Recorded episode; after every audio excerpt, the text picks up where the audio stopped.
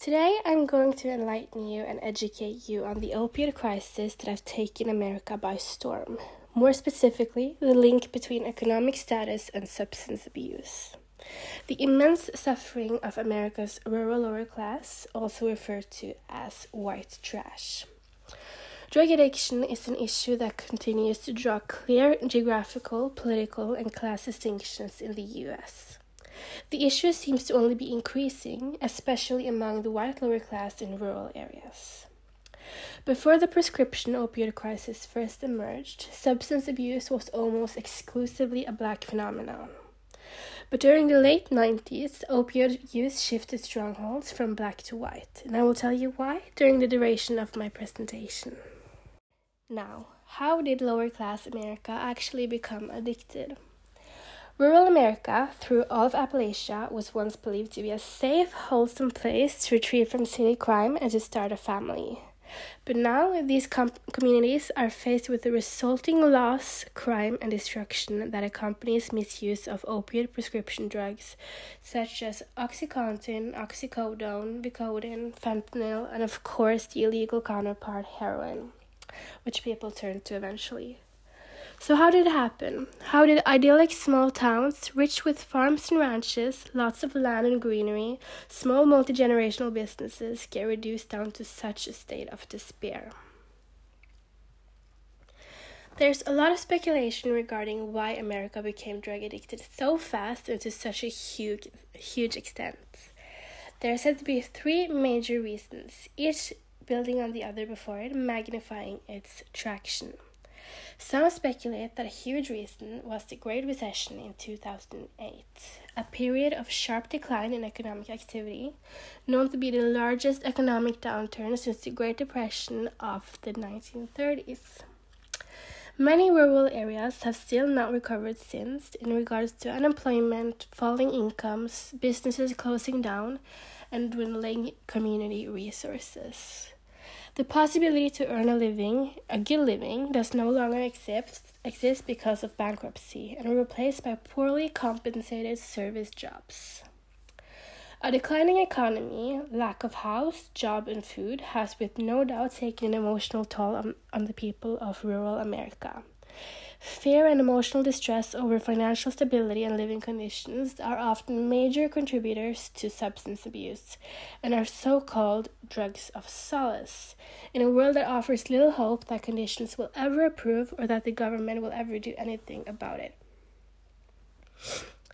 One frequently cited example of how poverty affects addiction uh, risk is the Appalachian opiate epidemic stretching from the southern tier of New York to northern Alabama, Mississippi, and Georgia. The Appalachian region of the United States has struggled with widespread poverty since the early 900s. 1900s. The majority of the available jobs are physically demanding, carrying a high risk of injury despite their relatively low wages. Residents who begin taking opioids to cope with chronic pain from their employment related injuries often find themselves spiraling into a deep, deep addiction. The effects of substance abuse makes it nearly impossible to keep working, thus per- perpetuating financial struggles. Many work in mining, manufacturing, uh, or agriculture, which often leads to chronic pain. The cost of taking time off to heal is too great for many, so they rely on opioid pain medication. Innocent prescription can lead to an opioid crisis. Healthcare access compounds the problem. Absence of health insurance, stigma and judgment, lack of local treatment facilities are just a few of the challenges addicts face in rural places, making it extremely hard to recover. Now I'm going to talk about the sinners and market leaders of the opioid crisis, Purdue Pharma, and their shameless marketing methods. It all started during the 1990s when researchers and pharmaceutical companies spotted an opportunity in stating that opioid pain medication was much less addictive than its counterparts. These companies started off by persuading physicians to prescribe addictive opioid medication, and a whole lot of them agreed, solely because of the money involved and the prospects of financial gain. Billions of billions of dollars was in this market. Pharmaceutical companies were sending sales reps across the US and Canada, marketing much stronger pain medications to doctors.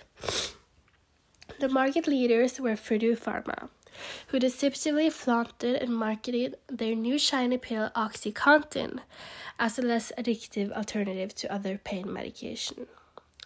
Documents discovered later on shows that the company was very, very well aware of the damage the pill could cause and had already caused. Especially Appalachia and rural America, mining and agriculture places suffering with high numbers of chronic pain were hit especially hard with what was initially thought to be a miracle cure, a miracle medicine that could help them continue their jobs. Oxycontin was a hit. Millions of pills were prescribed. OxyContin prescriptions increased from 670,000 to 6.2 million from 1997 to 2002 and officially peaked in 2012, reaching 255 million OxyContin prescriptions, which is a crazy high number. There's proven to be a huge link between the marketing, the prescribing, and the overdoses of opioids. And companies like Purdue Pharma are the big bad wolves, profiting off of people's suffering. In 2007, Purdue Pharma pleaded guilty for misbranding and was eventually sued by over 2,000 American cities, counties, and even Native American territories. The company filed for bankruptcy, bankruptcy in 2019, still with the lingering hope that their users would buy them out. Why is it that lower class individuals are more prone to addiction? Opioid use no longer targets primarily ethnic minorities, and a whole new subgroup has emerged as victims of the crisis. In rural, lower class areas, there's a larger market for drugs among youth. Teens of hard-working parents with access to medical cabinets full of opioids. It becomes almost a social norm when huge percentages of small communities are users and take opioids. The greater the opioid prescription is, it creates availability from which illegal markets can arise. In poor, small communities, there's also a greater social network for distribution of drugs, aka greater rural social and kinship network connections, which may facilitate drug diversion and distribution. Economic stressors creates vulnerability, makes people vulnerable to drug use in general. Low income people are more likely to struggle with drug addiction than others. Poverty is by no means synonymous to addiction, yet studies show that poverty can increase addiction risk factors. Poverty increases stress, the feeling of hopelessness, and it decreases self esteem. Poverty decreases social support. Poverty decreases access to health care. Because opioid addiction disproportionately targets the rural poor, it is even easier to dismiss these suffering humans as white trash and attribute their vows to their own stupid choices. This line of thinking, offensive and out of is offensive and out of touch with scientific fact, and is also conveniently ignoring the fact that most of these individuals who are addicted to opioids first got the drugs from medical professionals who prescribed them legally.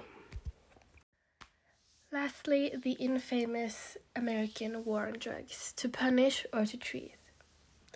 In 2010, authorities caught doctors in Florida over prescribing opioid medication, this leading to millions of prescription addicts being cut off. And this is where the crisis really starts. Millions of prescriptions ran out, which led to addicts turning to the black market and becoming heroin addicts. The War on Drugs is a global campaign led by the US federal government of drug prohibition, military aid, and military intervention, with the aim of reducing the illegal drug trade in the United States. The war on drugs is about eradication, interdiction, and incarceration. The US spends billions on this yearly. Authorities won't help and they treat it like war. A suspicious digression is the fact that pharmaceutical manufacturers donate political contributions to federal level elected officials. Authorities expressed the wish to cut addicts off completely and not fuel their addictions with medical medications or medical treatments such as methadone. This does not address the fact that after being hooked on opiates for a while, the biology of a user's brain has been completely changed and altered. Methadone is proven to be the gold standard and most successful way to recovery. Authorities are leading this just say no policy. People want addicts to be totally drug free, even though this is proven to have catastrophic results. Cold turkey is not a sustainable option.